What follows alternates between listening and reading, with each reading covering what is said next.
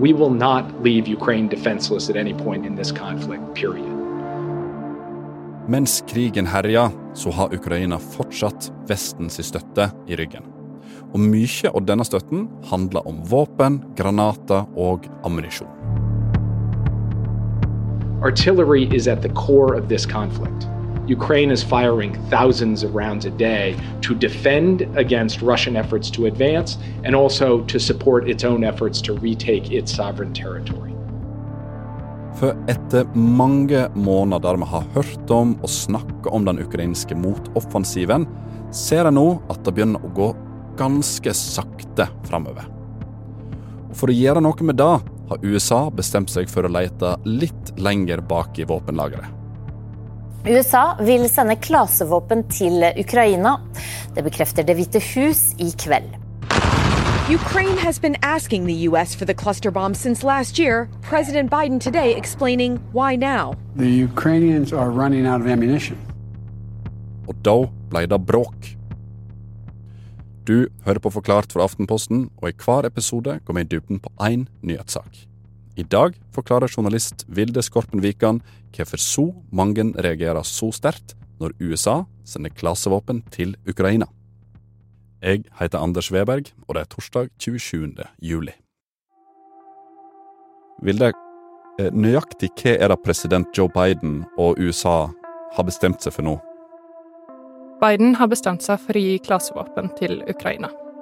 Det skjer etter at eh, Ukrainas president Volodymyr Zelenskyj har bedt om å få klasevåpen i månedsvis. Beslutningen var ikke enkel, sa Biden, for eh, klasevåpen er nemlig veldig kontroversielt. At det blir brukt klasevåpen på slagmarka i Ukraina, er ikke nytt. Russland har brukt klasevåpen lenge, og ingen vet helt sikkert hvor mye. Og Ukraina er også blitt anklaga for å ha brukt klasevåpen i denne her krigen, men i så fall i mindre skala. Ukraina har jo eh, store lagre med gammel sovjetisk eh, klaseammunisjon. Men uh, ukrainerne nekter jo selv for at de har brukt det i løpet av krigen. Organisasjoner som Human Rights Watch sier imidlertid at det ikke er sant. De har dokumentert at det er brukt klasevåpen i Kharkiv, nordøst i Ukraina, i fjor vår og sommer. Da var det området under russisk okkupasjon. Og eh, organisasjonen mener å kunne bevise at det var ukrainerne som da brukte klasebomber. Eh, og de rammet bebodde områder og drepte og skadet flere sivile. At klasevåpen nå kan bli brukt enda mer aktivt i denne krigen, er det som vekker harme. For klasevåpen det er ikke ny teknologi. Det er noe gammelt som har vekt avsky ganske lenge. I 2008 så signerte over 100 land en FN-konvensjon om å ikke bruke klasevåpen, og i dag så har 111 land blitt enige om å bare la være. Verken eh, Ukraina eller USA har jo sluttet seg til denne internasjonale avtalen som forbyr klasevåpen. Begge landene har imidlertid understreket at klasebomber er en lovlig type våpen, og de mener at det kan være nyttig å bruke det i en krig.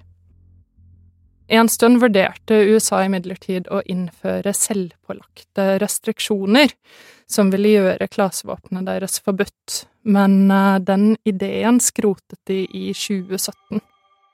USA har ikke brukt dem siden Irak-krigen, og landet har eh, rettet skarp kritikk mot Russland for å ha brukt dem i eh, Ukraina. Og ukrainerne selv vil jo ikke innrømme at de har brukt klasebomber øst i landet, selv om Human Rights Watch mener at de kan bevise at de har gjort nettopp det. Da. Da denne konvensjonen ble til, så spilte Norge en ganske viktig rolle, og fikk med seg ganske mange land til å signere. Det var nok ikke den vanskeligste diplomatiske prosessen Norge har vært en del av. Da den kom, så var det regna som ganske ukontroversielt å skrive under, fordi så mange var enige om at klasevåpen er ganske brutal krigføring. Vilde, om vi nå går litt vekk fra politikken og diplomatiet, og retter blikket ned på slagmarka, hvorfor ønsker Ukraina egentlig å få sånne våpen? Det er jo effektivt, da. Forbruket av vanlige 155 mm artillerigranater har vært skyhøyt gjennom hele krigen. Og lagrene i både Ukraina og i vestlige land tømmes. Produksjonen holder heller ikke tritt med forbruket. Så derfor blir jo klasevåpen nå da et alternativ istedenfor. Klasebombene som USA gir til Ukraina, kan nemlig skytes fra de samme artillerikanonene som eh, de vanlige artillerigranatene skytes fra. Så, så, dette her handler i stor grad om at Ukraina rett og slett ikke har så mye mer bomber og granater igjen? Ja, men eh, det er jo ikke den eneste grunnen. Uh, artillerigranater treffer bare ett mål, mens klasebomber kan treffe mange mål over et stort område f.eks. soldater eller annet forsvarsmateriell som ikke er så godt beskyttet. Altså Noe av hovedkritikken mot klasebomber er at de etterlater seg såkalte blindgjengere. Det er småbomber som ikke eksploderer slik som de egentlig skal når de treffer bakken. Og da kan de bli liggende der og i praksis fungere som landminer. Og de kan være en fare for ukrainske soldater når de skal eh, prøve å ta tilbake de områdene som har vært under russisk eh, okkupasjon. Så selv om dette her er våpen som kan bli viktige for Ukraina i krigen, så har det en pris. For det er flere grunner til at akkurat klasevåpen vekker så sterke reaksjoner.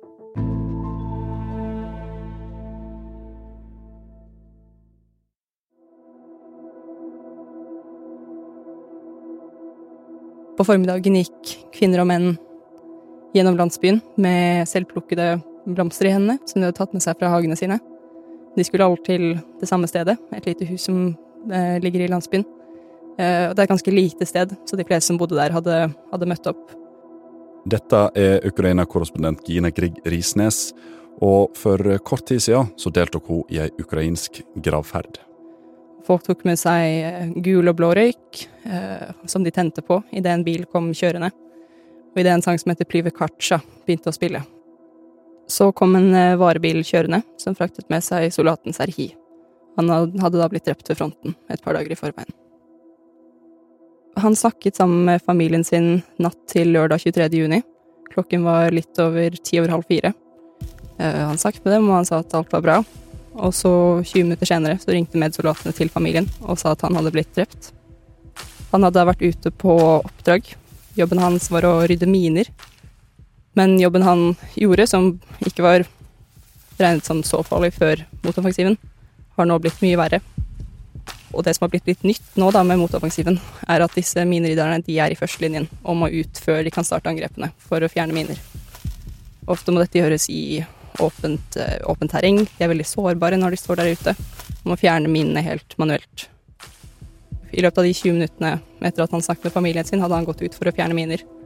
Og så ble han sprengt i biter av, uh, av artilleri.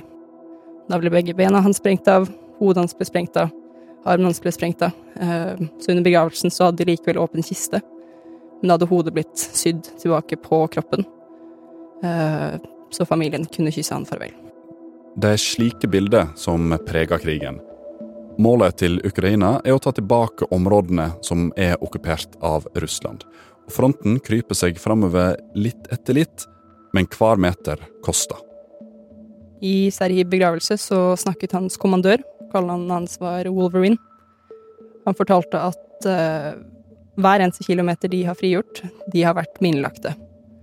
Han fortalte at uh, den gruppen soldater som Serhi kjempet med, Opprinnelig så var det mellom 20 og 30 soldater som kjempet der, og nå var det bare tre som fortsatt var i live. Og, og hvorfor er dette her eh, mineproblemet blitt så stort? Um, altså, vi vet jo at denne motoffensiven har jo vært lenge varslet, og ukrainerne har forberedt seg på den i veldig lang tid. Men det har også russerne gjort, ser vi. Og nettopp disse minene er en, en av de uh, største måtene vi ser det på, da. Eh, russerne har tatt seg god tid til å eh, legge miner tett og tett eh, på slagmarken. Trolig da i visshet om at dette kom til å senke farten til ukrainerne. Og det har den åpenbart gjort. Og her er vi tilbake til debatten som nå har blåst opp etter at USA bestemte seg for å sende klasevåpen til Ukraina. For sånne våpen kan lage flere slike gravferder som Dan Gina har besøkt. Vil det sånn rent teknisk, hvordan er det klasevåpen fungerer? De skytes opp i luften fra en artillerikanon, og i luften åpner de seg, og så regner de her småbombene ned over et stort område. Klasebombene som Ukraina nå skal få fra USA, inneholder rundt 90 småbomber, og de kan dekke et område på størrelse med ja, om lag fire fotballbaner. Disse småbombene eh, eksploderer ikke nødvendigvis når de treffer bakken, så da kan de bli liggende der i eh, år etter år og være farlig for eh, mennesker og dyr. I tillegg, eh, hvis man bruker klasebomber i et område der det bor folk, så er det umulig å, sørge for at det ikke treffer folk eller sivil infrastruktur eller noe sånt. Så et effektivt, men, men litt lite presist våpen? Ja, veldig upresist. Et eksempel på dette finner vi i et helt annet land, i en helt annen krig, som skjedde for 50 år siden. American soldiers hiking their way through the sweaty jungles of South Vietnam. Under krigen i Vietnam så brukte USA klasevåpen. Historiene fra den krigen har forma hvordan verden ser på krig i all tid etterpå, og konsekvensene av klasevåpen kan en fortsatt se i dag. Ja, USA brukte helt enorme mengder eh, klasebomber i eh, Vietnam, Laos og Kambodsja på 60- og 70-tallet. Og det har jo hatt eh, enorme og katastrofale konsekvenser for de landene senere. Tusenvis av mennesker er blitt drept og skadet når de har tråkket på disse blindgjengerne. Og i tillegg så er det masse landbruksområder som du ikke kan bruke fordi at det ligger blindgjengere og landminer og sånne ting der. Og dette her var altså en krig som skjedde for 50 år siden, og det driver fortsatt på med opprydningsarbeidet etter dette her i dag? Mm, helt riktig. Så det arbeidet pågår fortsatt. Og det er jo organisasjoner som Norsk Folkehjelp f.eks. har bidratt masse i det.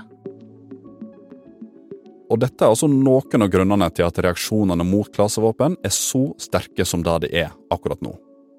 Men ting er sjelden helt svart-hvitt, og kanskje særlig ikke i en slik krig som den som nå foregår i Ukraina. For Vilde, da finnes det jo også de som mener at det er en bra ting å sende klasevåpen til krigen. Hva er det de sier? De sier jo at det er en katastrofe for Ukraina hvis de går uh, tom for uh, ammunisjon. Uh, ukrainerne må jo fortsette å krige mot uh, russerne, og har de ikke vanlige artillerigranater, så må de bruke det de har. Og i dette tilfellet så er det klasebomber, da. Så uh, må man veie opp den militære nytten på kort sikt med de humanitære konsekvensene på lang sikt. Amerikanerne har også påpekt at antall blindgjengere som blir liggende igjen fra disse klasebombene, er langt færre enn fra de gamle. Det er jo likevel en kjent risiko knytta til dette her. Hva sier ukrainerne om, om den risikoen for sitt eget land ved å bruke klasevåpen i sin krigføring? Ukrainerne mener at den er eh, akseptabel, og forsvarsminister eh, Oleksij Reznikov har lovet at eh, Ukraina ikke skal bruke dem i områder der det bor folk, eh, og også at de skal føre en grundig oversikt over områdene der de har brukt det, sånn at det blir lettere å rydde senere. I tillegg så er det jo masse landminer nå spredt over store deler av Øst-Ukraina. Så det er mange som mener at blindgjengerne fra klasebomber eh, spiller ikke så veldig stor rolle i, eh, oppi alt som er der nå. Opprydningsarbeidet blir uansett helt enormt.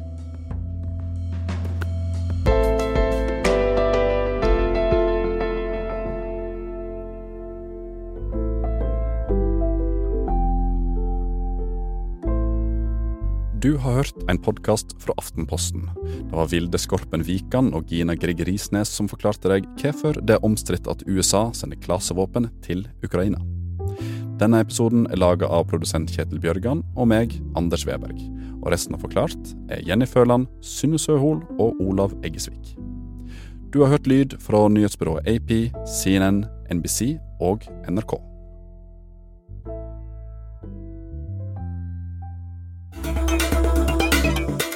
Det finnes spørsmål som ikke er så enkle å google seg fram til. Typ renta. Hvorfor må den absolutt opp, opp, opp? Altså, Finnes det ingen andre løsninger?